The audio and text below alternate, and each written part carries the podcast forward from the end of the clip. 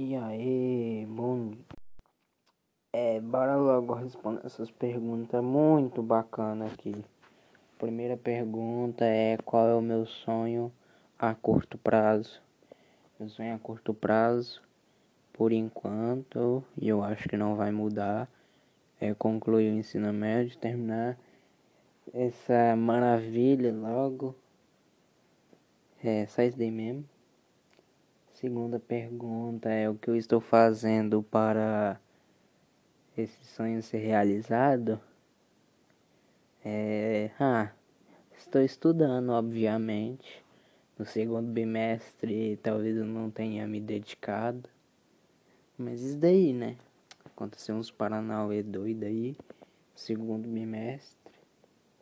Mas agora eu tô voltando com tudo.